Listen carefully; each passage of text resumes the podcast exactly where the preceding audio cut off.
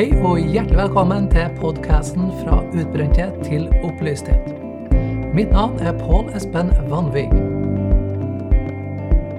Hjertelig velkommen til podkast nummer to, som omhandler eh, utbrenthet og hvorfor vi blir utbrent, og ikke minst hvordan vi finner veien ut av utbrenthet.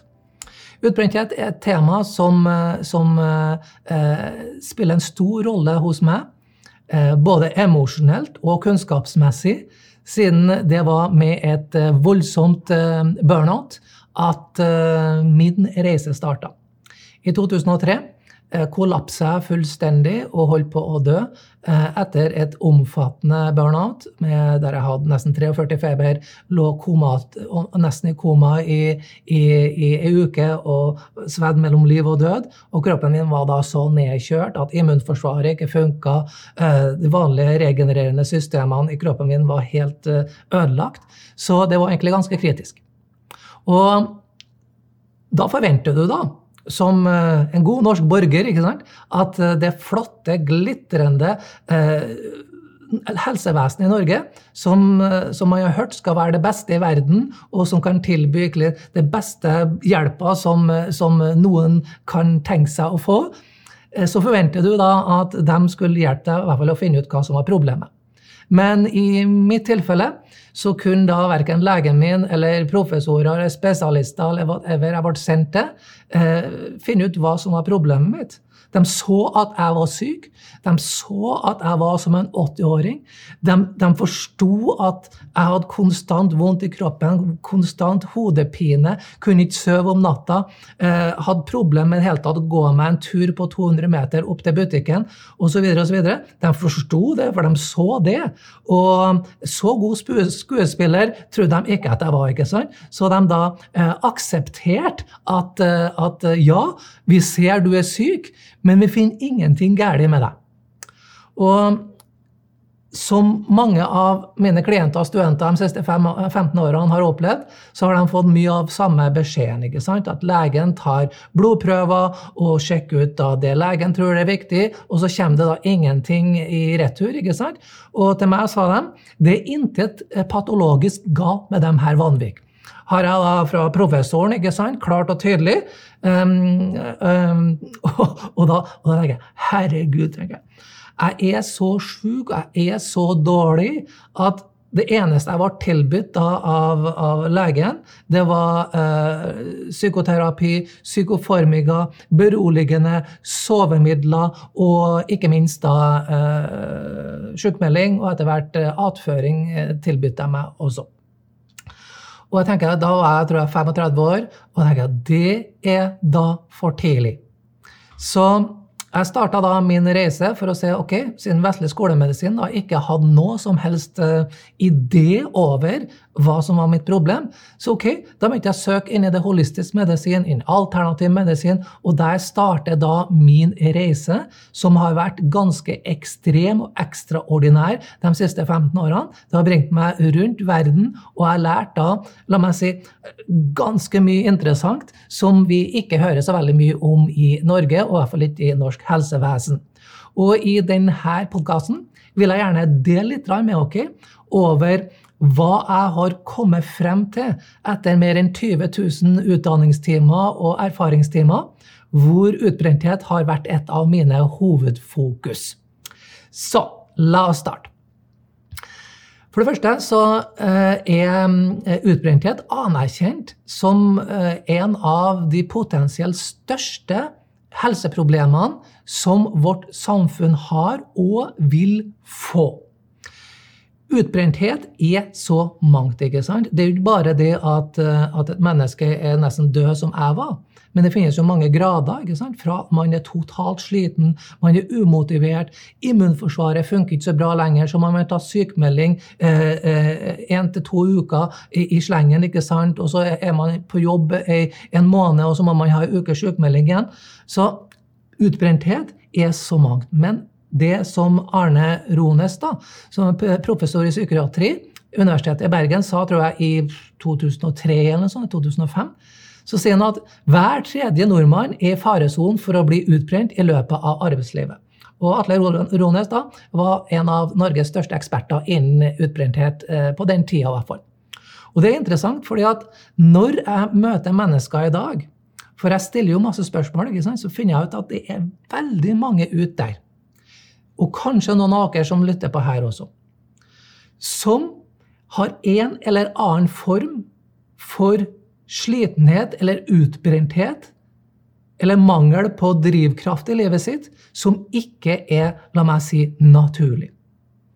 Og stort sett de fleste studentene som kommer til meg, og gjennom årene så har jeg hatt flere tusen studenter, så kan jeg si at stort sett alle har en eller flere faktorer jeg skal snakke om nå.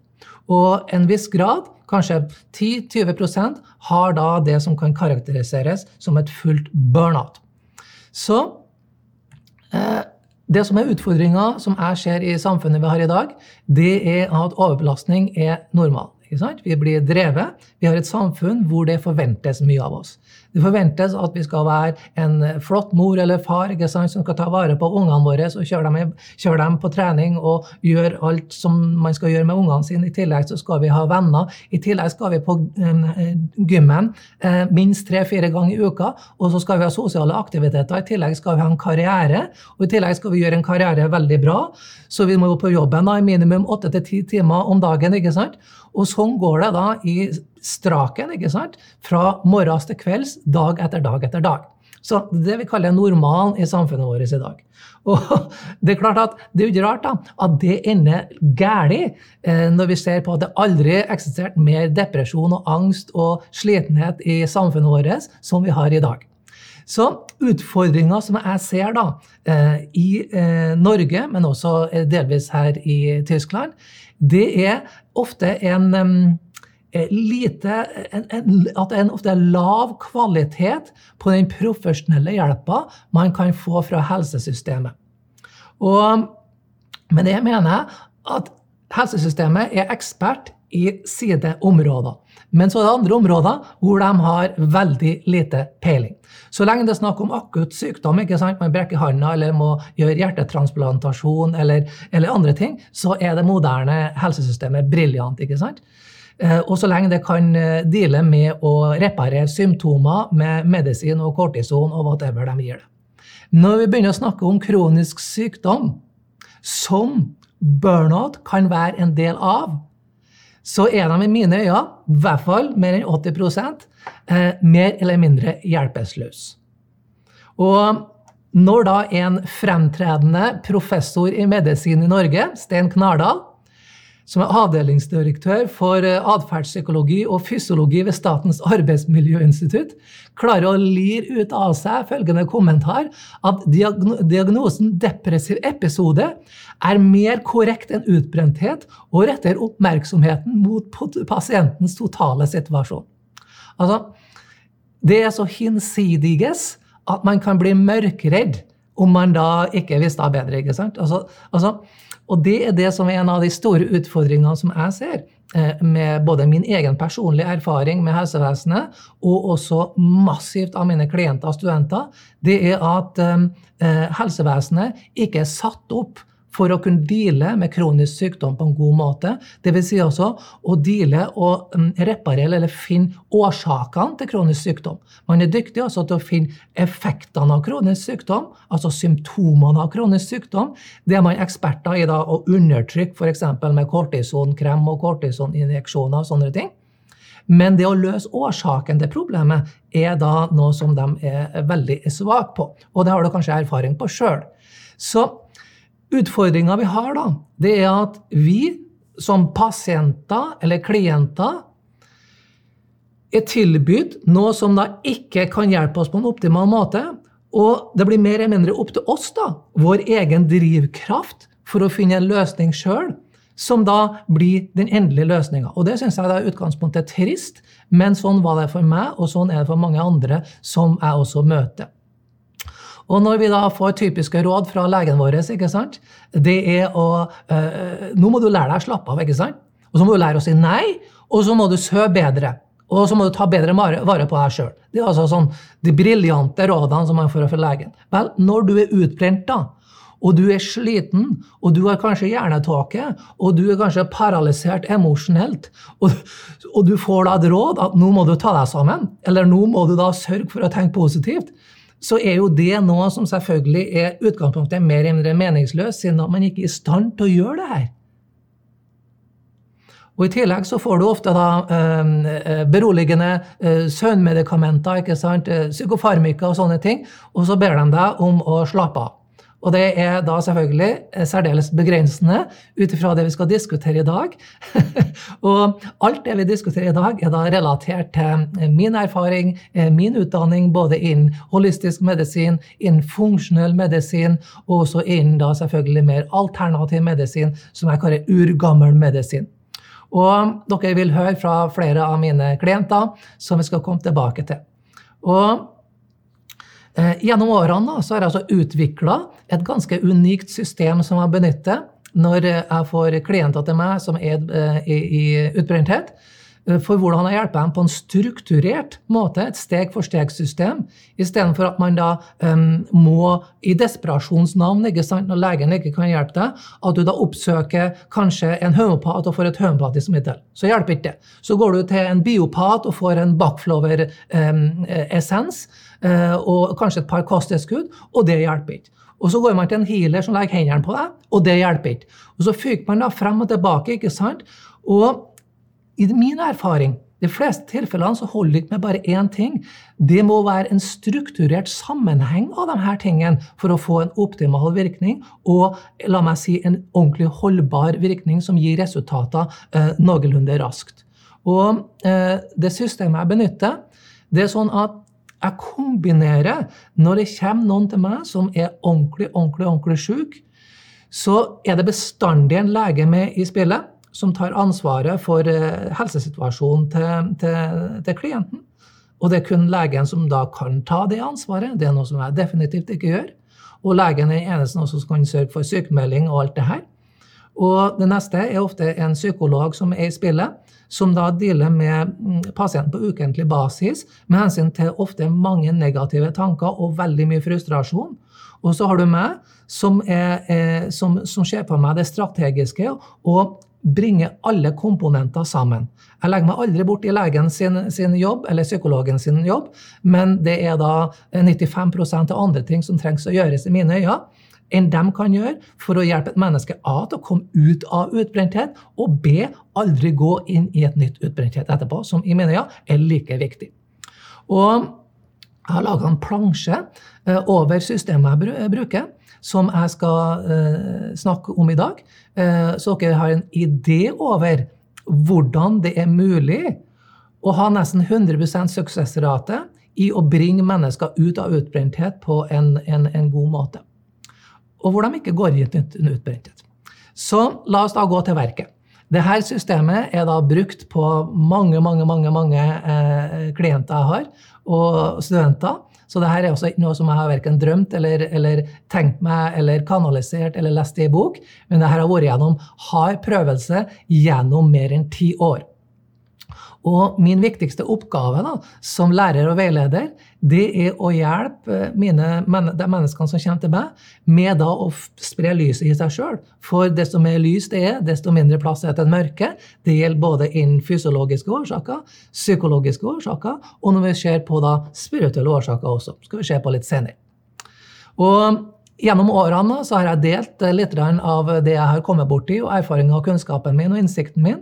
Og grunnleggende filosofi, hvis du er interessert å, å, å, å, lese eller se hva jeg virkelig står for, så vil jeg anbefale boka mi Beyond Positive Psychology A Journey from Burnout to Enlightenment. Og den kommer på norsk høsten 2020 også. Glitrende. Ellers har jeg masse artikler og videoer og så videre, som du finner på hjemmesida mi. Så la oss gå over da til det her programmet som jeg bruker. Det her, det her systemet. Hvordan eh, ser, det, ser det ut?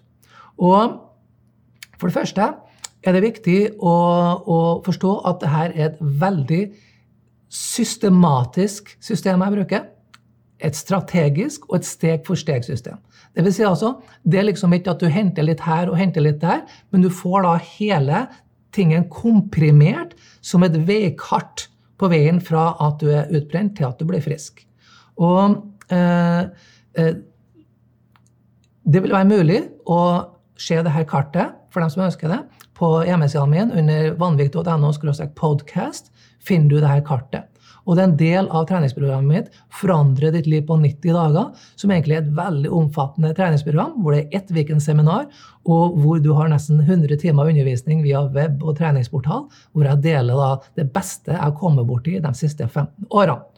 Og det som kjennetegner alle systemene jeg bruker, for å hjelpe mennesker, enten om det handler om å finne mening i livet, å bli happy, komme ut av burnout eller skape en bedre økonomi, så kombinerer jeg bestandig det beste jeg har funnet innen moderne vitenskap og medisin og psykologi, med urgammel vitenskap, medisin, teknologi og filosofi. Og når du kombinerer det her, er min erfaring at man får da eh, resultater som er mye mer omfattende og raskere enn om man kun velger den ene eller andre sida av modellen. Og hvis du ønsker å gå litt mer i dybden på det programmet som jeg snakker om i dag, om utbrenthet, så har jeg skrevet sju artikler som er publisert på bloggen min rundt det her. Der går jeg litt mer i detalj, men fortsatt så holder vi oss til et ørneperspektiv. Så hva er da utbrenthet? Vel, det finnes en haug av definisjoner på utbrenthet eh, ut her. Hvis du søker på internett, f.eks., vil du finne mange interessante definisjoner. Min definisjon er følgende. Utbrenthet er en tilstand av tomhet og utmattelse, en følelse av ikke å strekke til, frustrasjon, mangel på entusiasme og motivasjon generelt, i tillegg til andre fysiologiske og psykologiske problemer. Det oppleves som om din selvdefinerte rolle i livet trues, og at det ikke finnes noen alternativer. Det vil si altså at man føler seg ofte så sliten og så nedsatt på den ene sida, og på den andre sida så har man så lyst til å gjøre ting. Og denne konflikten da føres til, til, fører til denne voldsomme ofte paralysen og denne håpløsheten. ikke sant? For jeg har ikke lyst til å være sånn, men jeg kan ikke noe annerledes. Og sånn følte jeg det, i hvert fall, og mange av dem som kommer til meg. At jeg var bestandig liksom aktiv, og jeg var kreativ osv. Og, så og når du plutselig har deiser i veggen og er som en 80- eller 90-åring, eh, som en syk 80- eller 90-åring, så er det altså eh, ganske, ganske ille. Og generelt da kan utbrenthet defineres som eh, fysisk eller mental kollaps som, som er forårsaka av overarbeid, stress eller sykdom. Utbrenthet er som regel et resultat av flere underliggende årsaker, og det, det skal vi komme litt mer tilbake til senere. At det å si at utbrenthet er en, en, en, en, depressiv affære eller depressiv hendelse eller sånne ting, det er da eh, ja. Neste spørsmål som eh, eh, mange stiller, det er kan utbrenthet måles? Og klart at eh, en del ting kan måles når du går til legen din. ikke sant? Når du tar blodprøver osv. osv. Men sånn til meg da, så var det ingen blodprøver som var la meg si, utenom normal. Vel, hva som er normalverdier i Norge, er ofte noe helt annet enn hva som er normalverdier i funksjonell medisin. Og så når legen din sier at ja, alt er normalt, så det, det trenger å være helt rett. altså. For når jeg kom da til Tyskland og fikk tok, eh, ta alle blodprøver til tyske leger her, eh, så, rett etter jeg kom fra Norge, sant, så fant de en rekke ting som var alvorlig eh, feil med meg, bare med å ta de rette blodprøvene. Eh, så det at legen din sier at alt er normalt i blodsystemet ditt, betyr ikke å være at det er det. Så Klart, en del kan du da avsløre i, i, med blodprøver, men det er ikke så veldig mye som kan tas der, i min erfaring. Alvorlig sykdom, selvfølgelig. Kronisk sykdom finner du, finner du igjen i blodprøvene. Men det må ofte da tas en del andre ting, som f.eks. når vi da ser etter inflammasjon. ikke sant? Og inflammasjon er jo da eh, dine hvite blodceller, eh, T-cellene dine, da, når de går til angrep på deg. Og F.eks. at du har en betennelse, ikke sant? så går da immunforsvaret til angrep på den betennelsen, eller den infeksjonen, mener jeg. Og når immunforsvaret da angriper den infeksjonen, når du har kutta, kutta f.eks., så skapes betennelse. Så utgangspunktet er betennelse noe som er ok så lenge det kun benyttes av immunforsvaret når du f.eks. har kutta deg eller har sår og sånne ting som det. Problemet er da f.eks. når det skapes eh, mm, type inflammasjon som det ikke er mulig å måle med blodtester, f.eks. Eh, CRP-verdier og sånne ting som det her. ikke sant? Og altså C-reactive protein, som er en av verdiene som du kan ta til legen din for å finne da, eh, hvor mye inflammasjon det er i kroppen din. ikke sant? Og så finnes det også da type, uh, type inflammasjon som er, uh, i mine øyne, minst like, eller kanskje enda mer avgjørende for vår eh, helsesituasjon, det er subklinisk inflammasjon. Det er altså inflammasjon som er i kroppen vår og hjernen vår, og som de ikke kan måle med hjelp av blodtester f.eks. Men det finnes da selvfølgelig mange andre typer tester for å avdekke subklinisk eh, inflammasjon, som f.eks. da eh, termografi, MR, ST-skanninger, eh, Syrex-tester osv. Så, det er ikke at det er mulig, ikke mulig å finne ut det her. For har du subklinisk informasjon, så kan det være et ordentlig problem når du er sliten og utmatta. Og kan vi da måle uh, utbrenthet på en annen måte? Ja, selvfølgelig. Vi kan da bruke HRV-testing, f.eks. Og um, doktor Alfred Låninger er en av verdens mest anerkjente eksperter innen eh, kronomedisin. Og han har utvikla et system for å måle uh, stress eller for å måle det autonome nervesystemet vårt på en særdeles visuell måte og som kan brukes av leger og andre spesialister, i tillegg til vanlige mennesker som, som, som, som meg, og, og, eventuelt deg uten som ikke har medisinsk utdannelse, for å finne ut hvordan tilstand har vår, vår, vårt system, vår kropp, vår biologi. Og der kan man med en gang se med de her testene når du er utbrent, så da, eh, vil grafikken vise at du nesten har, har ingenting livsstil. Det sier seg sjøl. Og er du vital sunn, så har du et diagram hvor du har massivt med farver som viser at du har massivt med ild, og at eh, ditt autonome nervesystem er i en god tilstand. Og da kan du tenke deg da, hva jeg målte når jeg målte her, så var det altså nesten ingen livsild, nesten ingen farve i det her diagrammet, som var et godt, god representant for hvordan jeg følte meg. Så en av de store utfordringene når vi, når vi enten har utbrenthet, eller er utbrenthet, eller at vi har familie og venner som er utbrent, så er det av desperasjon for at man ikke eh, har noe bevis på at man er syk. Og jeg har opplevd også mange ganger til mine klienter ikke sant, at familien begynner å lure. ikke sant, Legen sier jo at du er frisk, ikke sant, men er det, er det, her, er det her at du spiller? Er du virkelig syk? ikke sant, Det sier de ikke, men du ser at de begynner å tenke det her når det ofte har gått flere uker, spesielt når det går flere måneder. Og da er det å være i en utbrent eh, situasjon hvor du er fullstendig utmatta, ekstremt frustrerende å oppleve at dine nærmeste begynner å bli utålmodige. Og da skjer ofte den vonde mølla at man prøver å presse seg tilbake til jobb. ikke sant? Har det pyton noen måneder, kollapser på nytt, og det blir enda verre. Og så er man ofte i en syklus som er, er veldig destruktiv. Så ja, det er mange måter å måle utbrenthet på.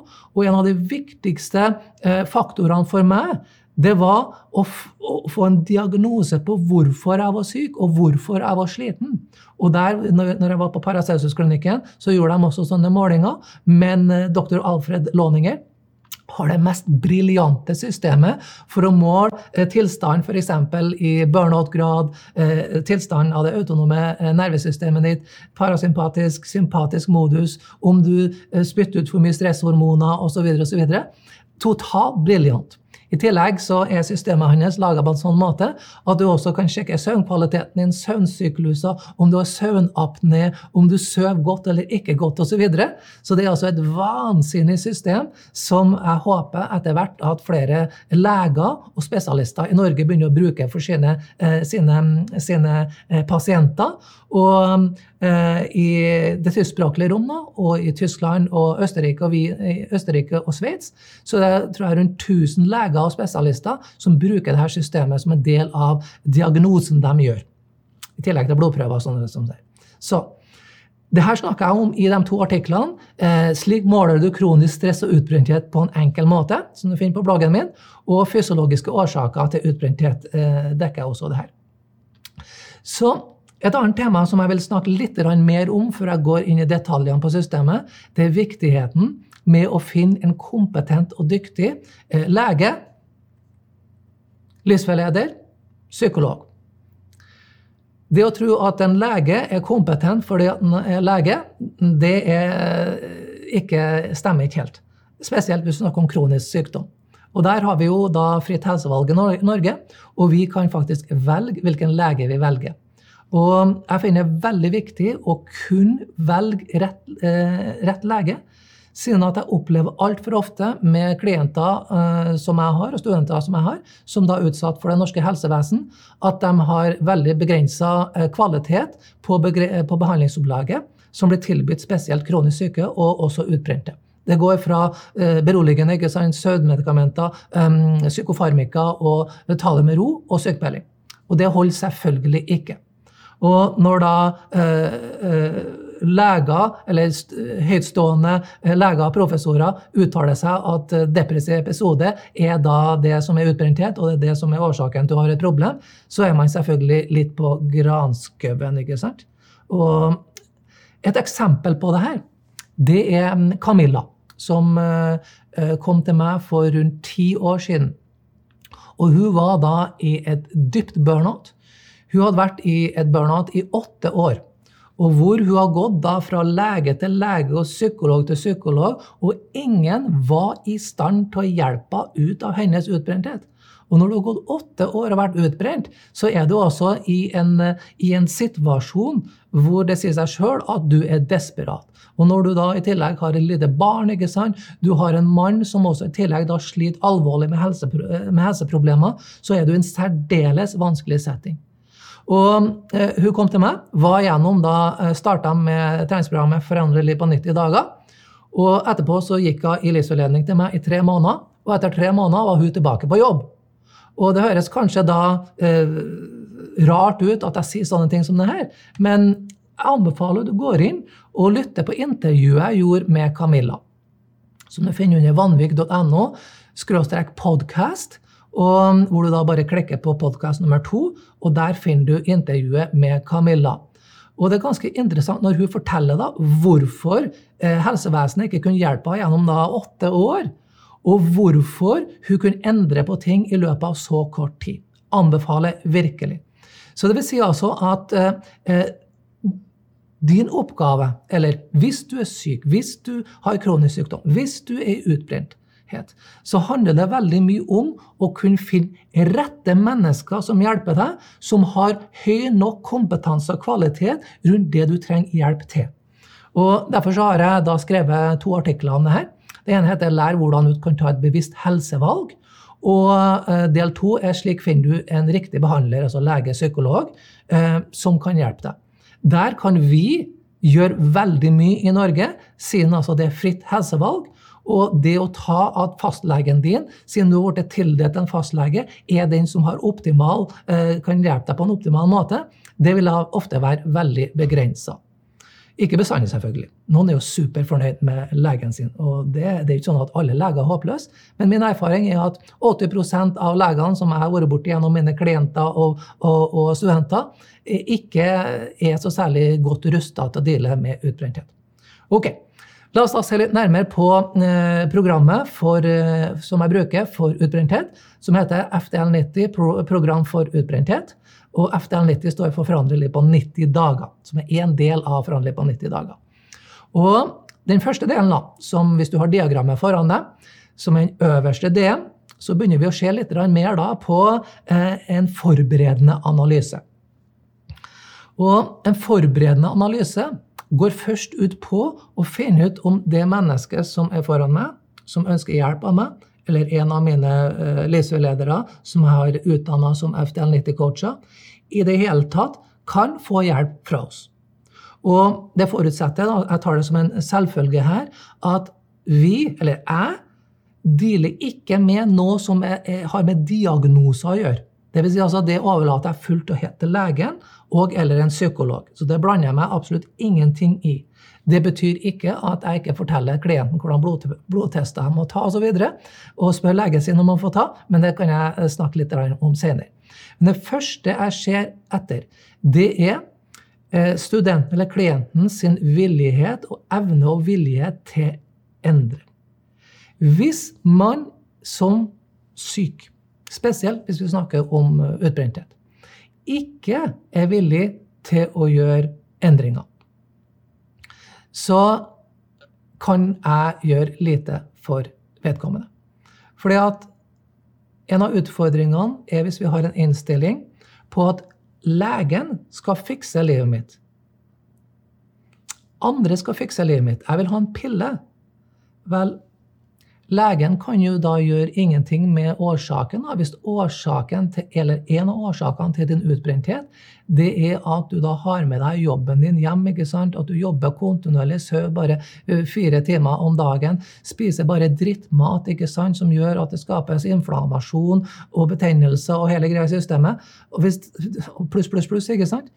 Så hvis da det er årsaken, og du ikke er villig til å gjøre noe med årsaken til, til, til, til, problemet ditt, eh, vel, da er det ingenting jeg kan hjelpe deg med. Og Derfor så sjekker jeg av det først av alle ting, om det er noe som jeg helt tatt kan hjelpe deg med.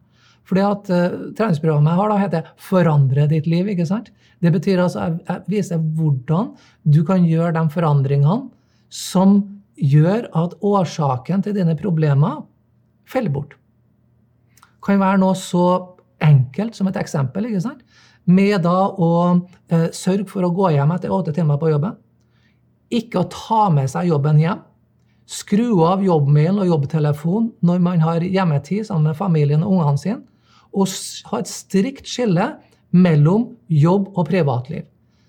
Hvis da arbeidsnarkomani og alt det her er en hovedårsak til utbrentheten. Og det er klart, Hvis man ikke engang er villig til å se på sånne ting, så det er jo litt jeg kan gjøre eh, for å hjelpe, eh, hjelpe, mm, hjelpe vedkommende. ikke sant? Det samme hvis da eh, diett, som det egentlig bestandig er, en viktig viktig, viktig årsak til spesielt når vi er kronisk syk og, og utbrenthet osv., så, videre, så er dietten bestandig en eksepsjonell viktig faktor for å hjelpe kroppen til å kunne reparere seg sjøl. Så hvis man da insisterer på å spise Grandiosa hver dag, og hamburger og kantinemat og whatever, siden man er så busy og ikke er villig til å se på et mer la meg si, sunt kosthold som da kan hjelpe kroppen din å reparere seg sjøl, vel, så er det vanskelig. Si seg sjøl, ikke sant? Og jeg har gjort noe bommersal her på at i gamle dager så starta jeg med alle som kom til meg. Og mitt ønske var mye større enn deres ønske for at de skulle bli friske. ikke sant? Og det var selvfølgelig veldig frustrerende å være veileder når det er sånn. Så det gjør jeg da først gjennom å stille en god del spørsmål. ikke sant? Sjekker jeg da av vedkommendes villighet til endringer og villighet til å gjøre en innsats sjøl. Som selvfølgelig da sier seg sjøl at, at, at, det er ikke alle. Alt som legen eller terapeuten kan gjøre. Vi trenger da ofte å kunne være villige til å gjøre en innsats sjøl, selv, selvfølgelig. Så det sjekker jeg på forhånd, og det er altså la meg si, den øverste delen av, av, av, av det her grafikken jeg laga, som da sjekker av er det her noe som jeg kan hjelpe til med eller ikke. Og det neste jeg sjekker av som den forberedende analysen, som gir meg en veldig god oversikt over problematikken til den som er utbrent, det å finne ut hvilke av de seks utbrent personlighetstypene som da er noe som jeg har uh, sittet ned her uh, i, i, mitt system, er vedkommende. Og de seks typene, da du, hvis, hvis, noen, hvis, du er kanskje i en, i en, setting som enten har vært i utbrenthet eller er i utbrenthet, kan du se litt hvordan type personlighetstype er du. Eller hvis du er frisk, så kan du også se litt på hvordan personlighetstype er du. For det er de seks typer menneskene som kommer til meg med utbrenthet, det er enten en av de her seksene jeg skal gjennom, eller en kombinasjon av dem. Førsten er type 1, den arbeidsnarkomane, funksjonelle streberen som alltid vil ha mer og kjenner ingen grenser. Og Jeg var et klassisk eksempel på det her før mitt burnout. Type 2 det er den perfeksjonistiske, hvor ingenting er bra nok, og alt kan bli bedre. Som driver seg sjøl til at alt skal være bedre. Og når noen sier at 80% er bra nok, så ser de bare dumt på dem. ikke sant? Nei, for meg er det 100% som er bra nok, og kun når det er 100 uh, ja. Type 3 det er den pliktoppfyllende som ønsker å gjøre alle til lags, og som gir mer av seg sjøl enn man har ressurser til. Type 4 det er den pessimistiske, som føler at livet er tomt, det er tomt for mening, eh, man har ikke noe spesielt håp i livet, eh, det, er, det, er, veldig lite positivt innhold og glede i livet, og man føler seg rett og slett matt. Type 5 det er den paralyserte, som har stengt seg inne som et resultat av ikke å kunne håndtere et stort arbeidspress over tid. Og på Japan så har de et ord for det her, som heter hikimori. Og det fant de når unge mennesker i Japan bor ofte hjem til mor og far eh, de, eh, når de har begynt arbeidslivet sitt. ikke sant? De, de, det tar ofte lang tid for dem å flytte ut fra mor og far. Og Der fant de da at eh, unge mennesker som har starta å jobbe ikke sant, etter utdanninga si, etter hvert begynte å stenge seg inn på rommet sitt. Ville ikke ha verken mat eller snakke med noen, og de bura seg bare inn.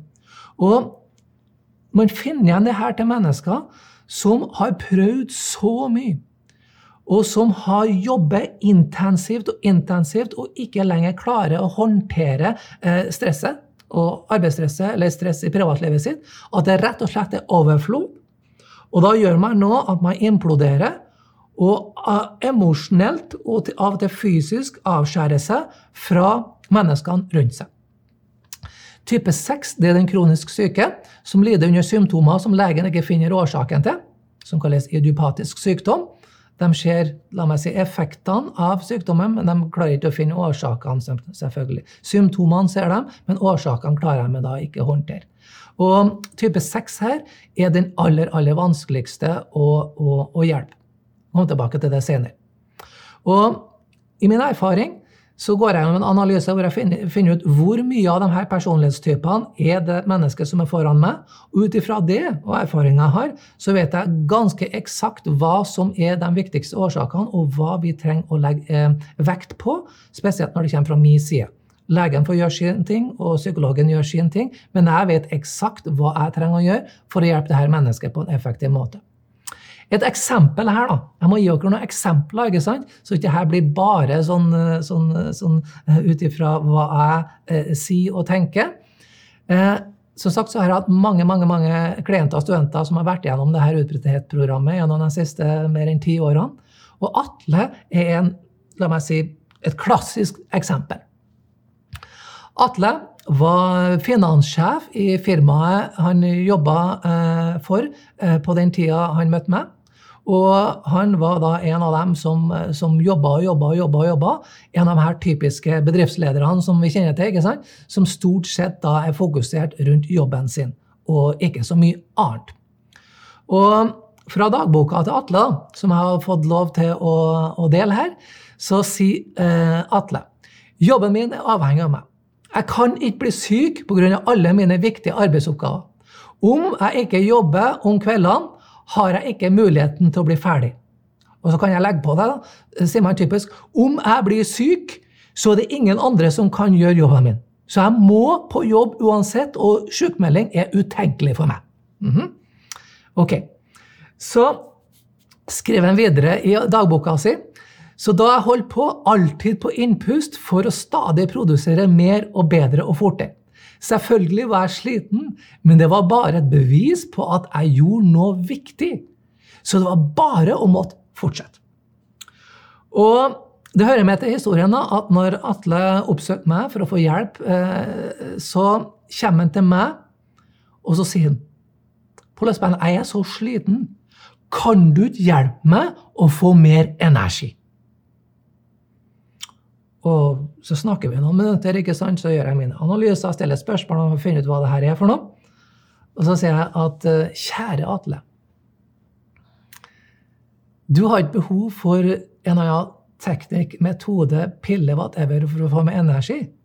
Du har behov for å forstå at du står med begge beina godt plassert midt inni et seriøst burnout. Og det eneste du trenger å forstå akkurat her og nå, det at du i morgen går til legen og forteller legen sannheten. For det hører med til typer som Atle, og inkludert meg også, så prøver vi alltid å skal se flott ut, og vi ønsker ikke å bry folk. ikke sant? Når folk spør oss hvordan det er, så sier vi ja, det er bra. ikke sant? Og hvis vi går til legen, så vil vi bare gi den beste versjonen av oss sjøl, sjøl om vi er syke. og det jeg sier til Atle, gå nå til legen og fortell historien du forteller meg. Ja, da får jeg jo sykemeldingen sin. Ja, du får sykemelding, og det er akkurat det du har behov for.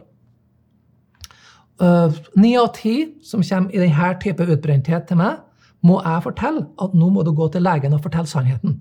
For du trenger sykemelding. Og etter da så skriver Atle følgende Plutselig skjønte jeg at jeg ikke lenger eh, Plutselig skjønte jeg ikke lenger hva som var så viktig. Som om jeg hadde brukt hele livet på å bygge verdens flotteste hus. Men ingen ville bo i det. Ikke engang jeg selv. Da ble jeg litt mutt. Det gikk rett og slett til helvete, og det er en egens historie det snakker om. da.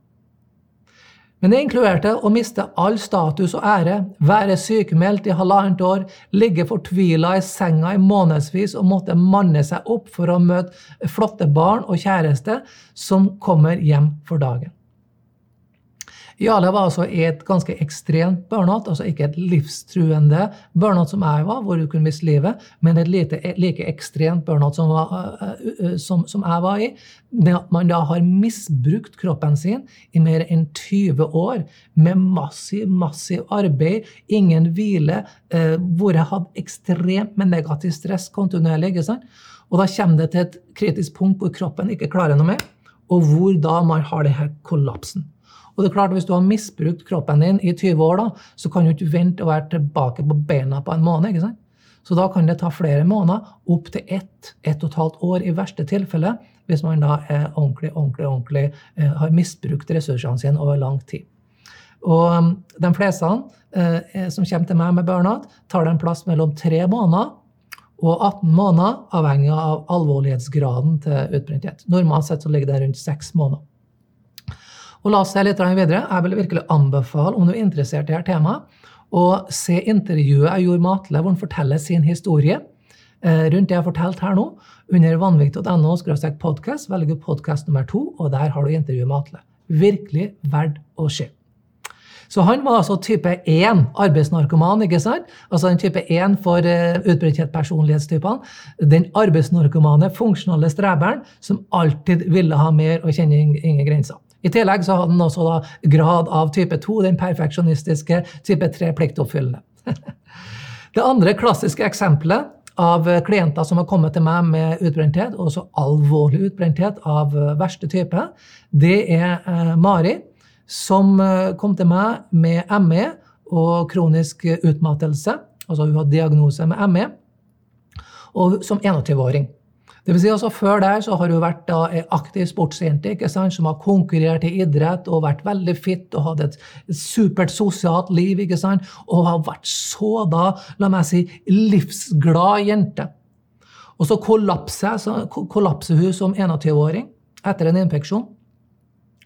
Og blir da som en skygge av seg sjøl. Det var så ille ikke sant, at hun måtte da ligge til sengs 23 timer i døgnet og var så dårlig og kunne ikke funksjonere i det hele tatt som et menneske. Hun var, hun var avhengig av hjelp. Når hun kom til meg på det første seminaret, som, uh, så måtte hun ligge bakerst i salen på en madrass, og jeg tror hun sov i 80% av tida mens seminaret pågikk. Så dårlig var Så det var, Hun kom til meg altså i ganske ekstremt dårlig, dårlig forfatning. Og hun var da type 6 av de her utbredte personlighetstypene, som var hovedvekten, altså en kronisk syke. I tillegg da så hadde hun altså antydninger av både type 1, 2 og 3. og jeg vil også anbefale å se intervjuet med Mari, hvor hun forteller litt om sin historie, og ikke minst et par ting som hun da måtte endre på for i det hele tatt å kunne bli frisk. Jeg skal ta et eksempel på det senere. Så Camilla hørte vi. Hun var også, et, eh, um, hun var også i, i et skikkelig utbrent situasjon når hun kom til meg, etter åtte år eh, fra lege til lege og psykolog til psykolog. Og hun var da også en kombinasjon av type 1, 2 og 3. I mer eller mindre grad. Jeg har en skala på det her hvor vi setter, setter, setter grad osv. Hvor mye av hver enkelt man er. Og ut ifra det her da, så kan jeg gi en veldig god oversikt for meg sjøl i hvordan jeg kunne tenkt meg å pense retningen for å hjelpe da mennesker som er foran meg, til å kunne bli frisk. For ofte er det mange ting som trenger å endres på. Og hvis vi skal begynne med alt på en gang, så blir man bare paralysert. Og intervjuet med, med, med, Camilla finner du også på hjemmesida min under vanvitt.no podkast. En annen type utbrenthet som, eh, som, eh, som, eh, som utbrenthet-type som ofte kommer til meg også, det er sånn som Stephanie hadde. Hun kom til meg etter hun har vært mer eller mindre paralysert emosjonelt i fire år. Etter hun mista mannen sin på en traumatisk måte etter de har besteget en fjelltopp. Og De har altså gått sammen eh, opp til en fjelltopp, og på den fjelltoppen så kollapser mannen eh, med, med, med, med, slag. Slag med hjertet Ja. Han hadde iallfall problem med hjertet, og hjertet stoppa. Og hjerteattakk. Og foran øynene hennes, da, eh, døden og hvor hun ikke kunne hjelpe, og hvor det var langt fra hjelp. ikke sant? Og da står du der da, fullstendig paralysert og opple paralysert, opplever ditt livs største trauma. Og etter det da, så var det selvfølgelig veldig vanskelig da å håndtere livet. Det er enkelt å forstå. Og hun gikk da mer eller mindre i en sånn emosjonell zombietilstand i fire år før hun møtte meg på forhandling på 90 dager og starta med, med livsveiledning. Og det vi gjorde der, da, Altså, Stephanie var typisk da det jeg kaller type 4, den pessimistiske, som føler at livet er tomt, uh, har veldig vanskelig helt tatt for å føle positive følelser i det hele tatt. Og der var, der var, det sånn at vi måtte gå inn i et program da, hvor f.eks. Uh, tilgivelse av seg sjøl og tilgivelse av mannen var en viktig del. at hun så jo selvfølgelig på seg sjøl som at uh, en viktig del av årsaken til at han døde, var det at hun ikke kunne hjelpe ham. Altså man, man, man, man ble med seg sjøl så mye at det der setter seg så dypt og paralyserer det emosjonelle systemet i seg sjøl. Og en del andre ting. Så jeg anbefaler å se intervjuet med Stefanie også. Et veldig, veldig, veldig rørende intervju. Om hvordan hun fant veien ut ifra et paralysert liv i, i løpet av to-tre måneder til å få livsgnisten igjen. Så neste steg i utbrenthetssystemet det er det jeg kaller fase 1, hvor vi identifiserer årsakene til utbrenthet. Og på figuren min, da, på plansjen over det her, så er vi altså nederst til venstre på, på, på figuren. Og analysering av årsakene det er for meg særdeles viktig. fordi at hvordan skal vi da mappe ut et godt behandlingsprogram hvis vi vet hvorfor vedkommende er utbrent? Og vi analyserer fire kategorier. Og den første kategorien der ser vi på fysiologiske faktorer som kan være eller er årsak til, til, til, til utbrentheten. Og Der må man selvfølgelig gjennom til legen og få tatt alle blodprøver osv. Men det skjer også på fysiologiske faktorer til utbrenthet som feilernæring, eh, søvnproblemer, Forstyrra sirkulanske rytmer, f.eks. Eh, kronisk utmattelse, psykosomatiske lidelser, eh, problem med skjoldbruskkjertelen, eh, hormonsystem, mage-tarmsystem, hyperforsuring osv. blir da analysert i detalj.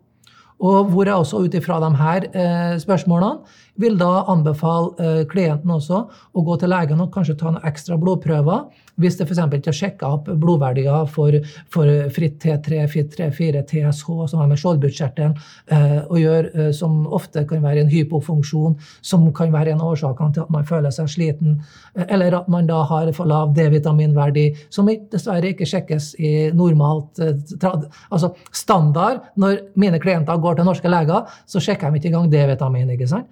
Eh, for det trenger vi ikke, for vi har jo nok D-vitamin i Norge siden vi spiser så mye fisk. ikke sant? Ja kanskje for mange år siden, men ikke i dag. Så problemet hvis du har for lavt D-vitaminnivå, så vil ikke hormonsystemet funke, funke, optimalt. Du vil ha problemer med, med krepssyklusen, som da er en kjemisk reaksjonssyklus for å produsere ATP i mitokondriene våre, som er da cellene sitt energi osv. Og, så og det vil også kunne påvirke skjoldbruskkjertlene sine funksjoner ikke sant? og metabolismen vår. Og når da du har for lite D-vitamin, så har du da et jækla problem for å si på godt norsk. Så det må opp. Her er bare et sånt eksempel. Jeg skal ikke bli for entusiastisk her. Eh, men altså, som dere forstår, da, så er jeg litt frustrert over nivået på norsk helsevesen når det gjelder sånne ting. Når man en gang er villig til å, som standard å sjekke ut D-vitaminnivå, og verdiene i Norge da, med D-vitamin er også veldig lave i forhold til funksjonell medisin. Så det er under kategori 1 så må vi sjekke av da fysiologiske faktorer som kan være med å påvirke da, eh, eh, utbrentheten. Neste vi trenger å se på, det er psykologiske faktorer, som er kategori 2.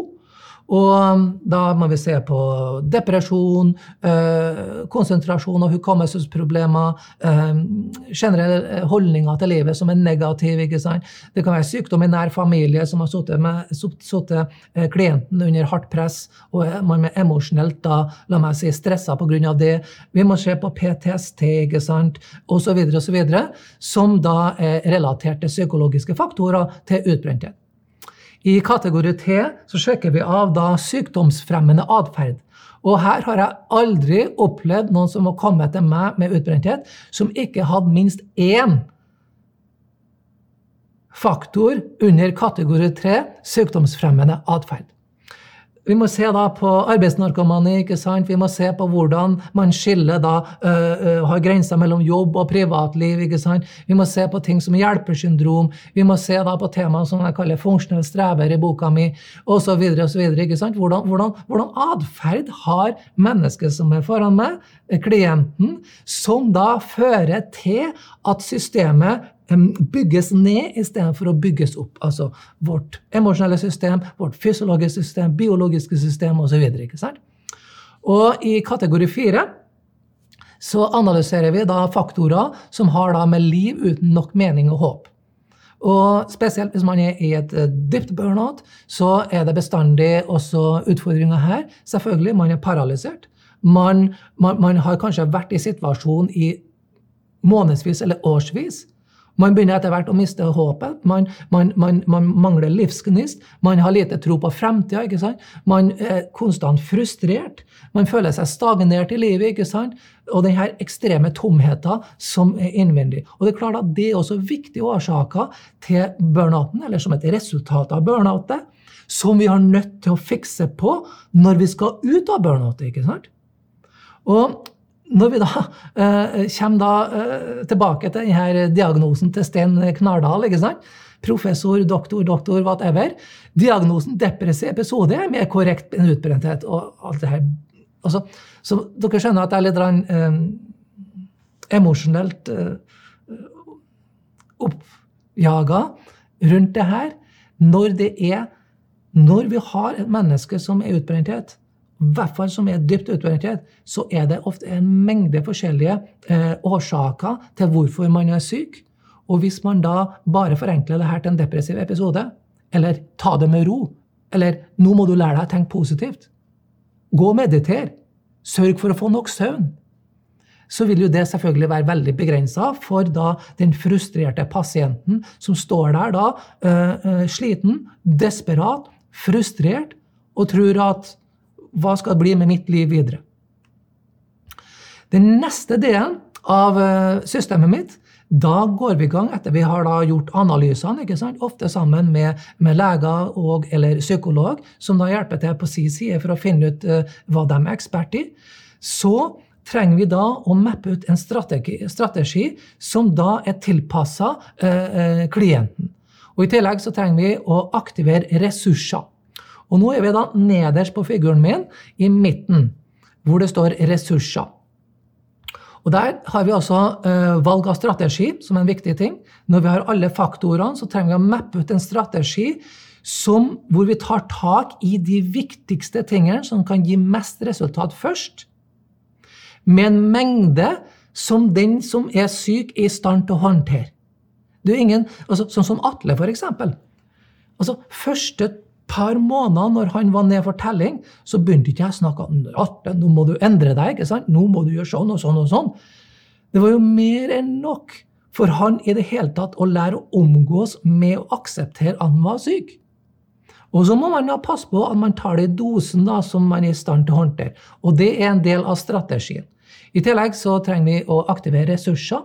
Eh, det kan f.eks. være noe så banalt at man aktiverer ressurser den som er syk, har hjem til sine venner og familie i forbindelse med optimal støtte, f.eks. med å um, begynne å spise sunnere. Så trenger vi da å se hvordan vi gjør praktisk målsetting og måloppnåelse.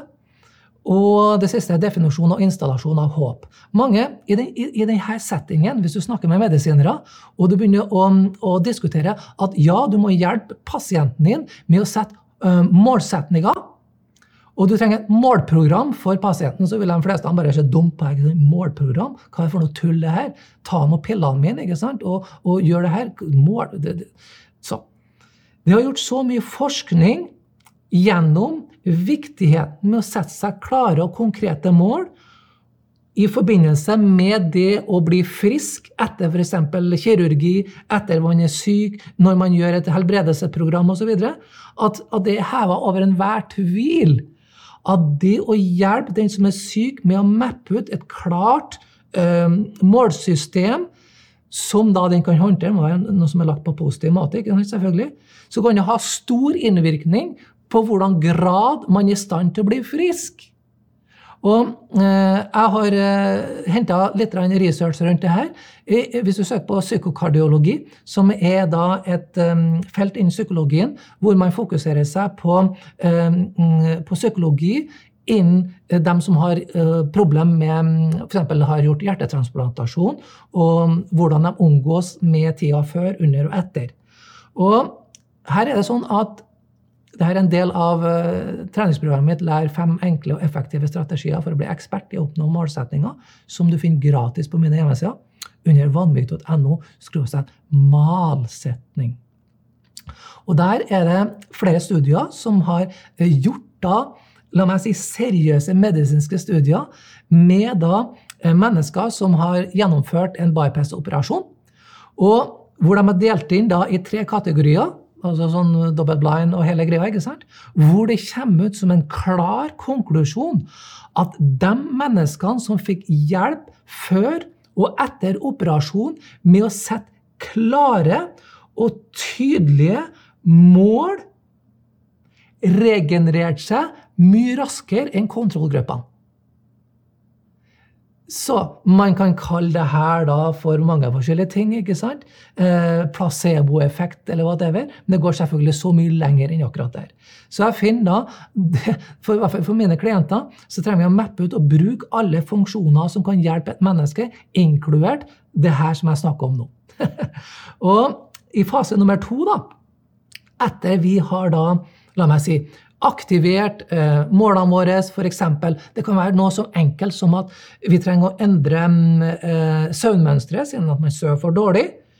Og har da altfor dårlig søvn, våkner sliten og trøtt om morgenen. ikke sant? Så er kanskje da første målsettinga det er å klare å være uten TV og PC en halv time før man går og legger seg.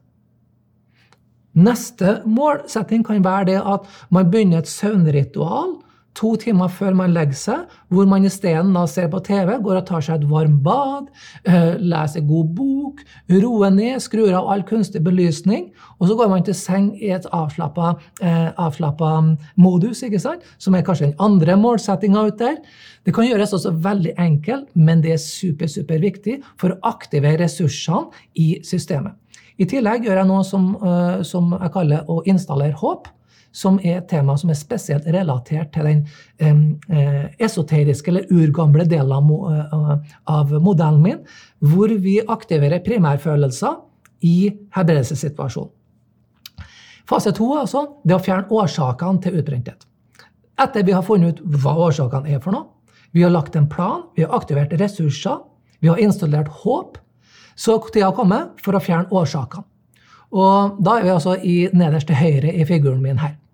Og Der har vi altså fase nummer to, fjern årsakene til utbrentheten. Og det sier seg sjøl, da. Da er vi nødt til å gå i gang da, og fjerne årsakene på fysiologiske faktorer, psykologiske faktorer, sykdomsfremmende eh, faktorer og kategori fire, som er lite positivt innhold eh, i livet. Og da må man gå i gang da, på en måte hvor man tar det viktigste først, på en systematisk, strukturert, steg-for-steg-måte. Parallelt med det, altså et eksempel har jeg, bare for å gi et sånt eksempel hva jeg snakker om her, eh, med fysiologiske årsaker. Eh, hvis du har lest da artiklene som jeg skrev etter eh, Paracelsus-klinikken, som jeg var på i slutten av 2017, der gjorde jeg flere intervju med doktor Rao. Og han da sier at en av hovedårsakene til, til at 70% av dem som kommer til han med kreft, så er tennene en av de viktigste hovedårsakene til kreften i seg sjøl. Og han har da 30 000 pasienter på, på, på skuldra, ikke sant? eller har vært gjennom, gjennom mange mange, mange år, så han vet hva han snakker om.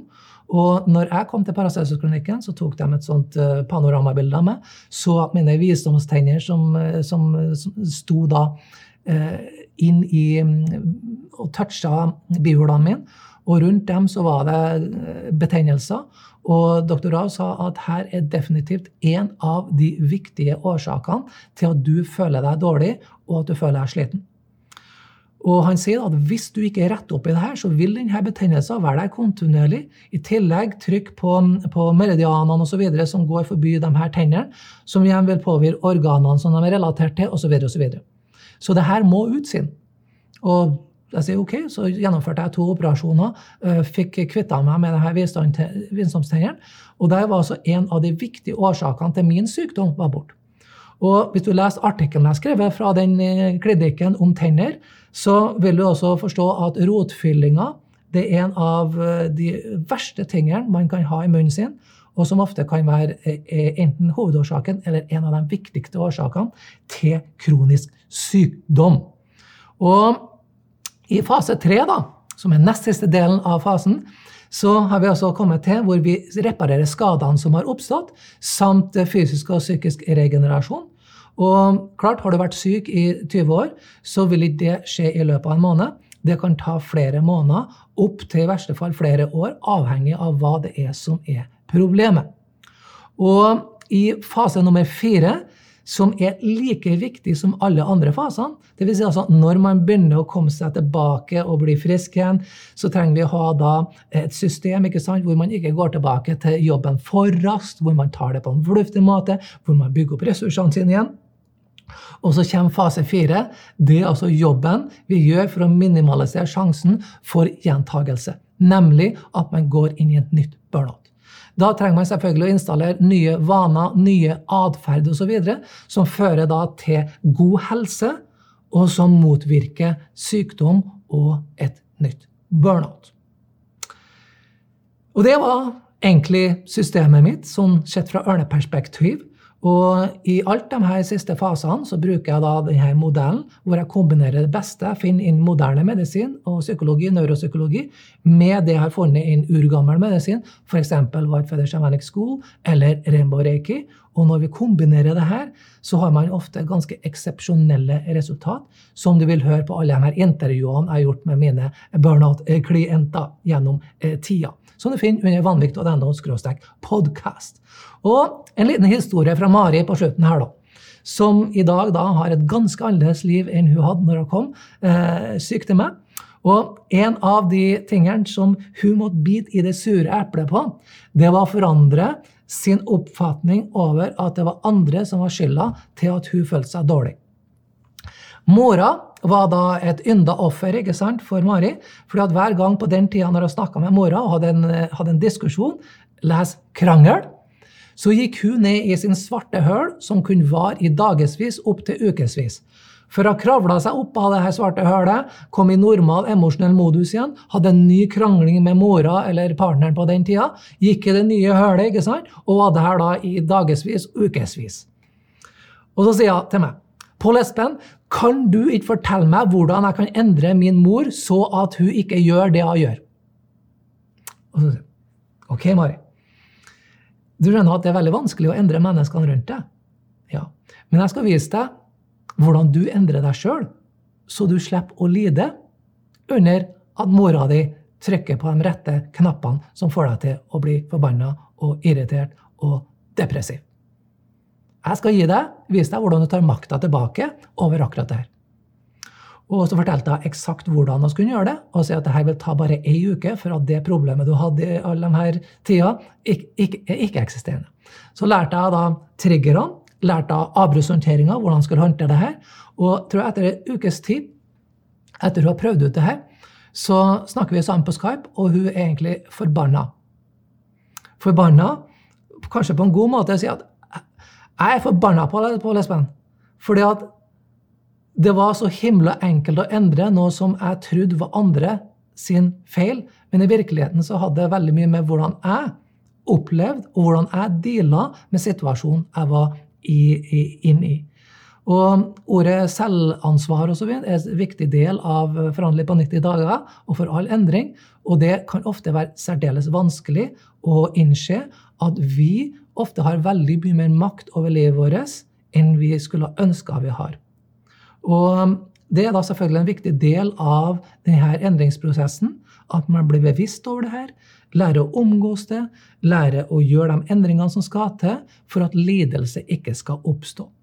Og jeg vil virkelig anbefale altså å gå inn på hjemmesidene mine, se hva jeg har skrevet om utbrenthet, som igjen da viser ideen og litt av systemet jeg jobber etter. Og ja, og se alle intervjuene. Forhåpentligvis så kan du bli inspirert og motivert og kanskje du har noen i familien også som kan bli inspirert og motivert, at det i fleste tilfellene finnes en løsning, sjøl om alt ser håpløst ut. Ja, det var egentlig det jeg har tenkt å snakke om eh, mitt system og utbrenthet eh, akkurat nå. Og jeg vil da være åpen for å svare på spørsmål om dere har spørsmål eh, rundt, eh, rundt eh, temaet. Og um, alt det jeg snakka om, er også en del av Forhandling på 90 dager. Og hvor målsettinga mi altså, det er å hjelpe mennesker med å øke mengde lys de har. Det er en veldig god metafor. Desto mer lys du har innvendig, desto mindre plass er det for mørke. Og det gjelder både når det gjelder fysiologiske, psykologiske og spirituelle faktorer. Og um, jeg har fått ett spørsmål inn her på forhånd som jeg vil gjerne starte å svare på. Og hvis det er noen av dere andre som har spørsmål her, så er det egentlig bare å, um, å, å stille spørsmål i tekstfeltet. Og det første spørsmålet jeg har fått på mail, er følgende. Hva gjør man hvis man føler at man eh, gir og gir på jobben, og det er langt mellom de positive tilbakemeldingene? Jobben blir et ork, og man finner ikke arbeidsglede. Hvor begynner man hvis man føler at man ikke har overskudd til å gjøre noe med situasjonen? Og spørsmålet er I utgangspunktet ser det enkelt ut, men i virkeligheten er det, er det komplekst, siden at jeg ikke kjenner Sissel som har stilt dette spørsmålet. Men når man befinner seg i en situasjon hvor man ikke har ressurser, dvs. Si altså man, man, man lever under en situasjon i det her på jobben ikke sant? hvor man føler det her stresset. Man, man får ikke uh, tilbakemeldinger, man blir depressiv, det er et ork. ikke sant? Og så føler man man har ingen energi til å deale med det her. Og kanskje heller ingen energi til å begynne å søke etter en ny jobb eller sånne ting som det her. ikke sant? Og da er det første jeg vil si, når man har for lite energi til å deale med ting sjøl, så er det en god idé å søke hjelp. Kanskje hvis man har en vis lege, kan man diskutere her med, som har lært litt om grunnleggende psykologi. Eller kanskje man har en god terapeut eller, eller psykolog man kan oppsøke. Eller man kanskje har da en vis venn. Eller kanskje man da eh, finner seg en egnet livsveileder som kan hjelpe til i prosessen. At når man ikke har energi til å gjøre endringer, eller til å tenke seg til å gjøre endringer, så, så, så, så sier det seg sjøl i mine øyne at hvis man får bli i det situasjonen, så er man i et hamsterhjul. ikke sant? For å bryte ut så trenger man hjelp. Og eh, ofte er det sånn at mange eh, kvier seg med å søke hjelp f.eks. fra en psykolog. Men jeg sier at psykologer kan også være briljante så lenge man finner en egnet psykolog. Og der kan du lese artiklene mine som jeg skrev om hvordan man finner en rett behandler ikke sant, som passer. Og hvis man da skal gjøre noe sjøl, Så når jeg svarte på første del, som var viktig Hvis du da har energi, kapasitet, til å gjøre noe sjøl, så er det første jeg, hvis du skulle ha hatt hjelp av meg, da, hvis du hadde sittet rett over meg og skulle hatt hjelp, så har vi først da diskutert om, om du i hele tatt da hva du er i stand til å gjøre. ikke sant? Men så har jeg vel starta med at ok, du sitter med, at du føler at du gir og gir på jobben din, og det er langt mellom de positive tilbakemeldingene. Og da vil jeg si ok, hvis man, og da gjelder det generelt, er avhengig av andre for å kunne føle seg vel, uansett hva det er for noe, så gir man da en del av makta over sitt eget liv over i hendene til andre. Og andre kan vi veldig sjelden endre på. Eksempel. Jeg føler meg vel med det jeg gjør, før jeg får nok positive tilbakemeldinger fra sjefen min over det jeg gjør.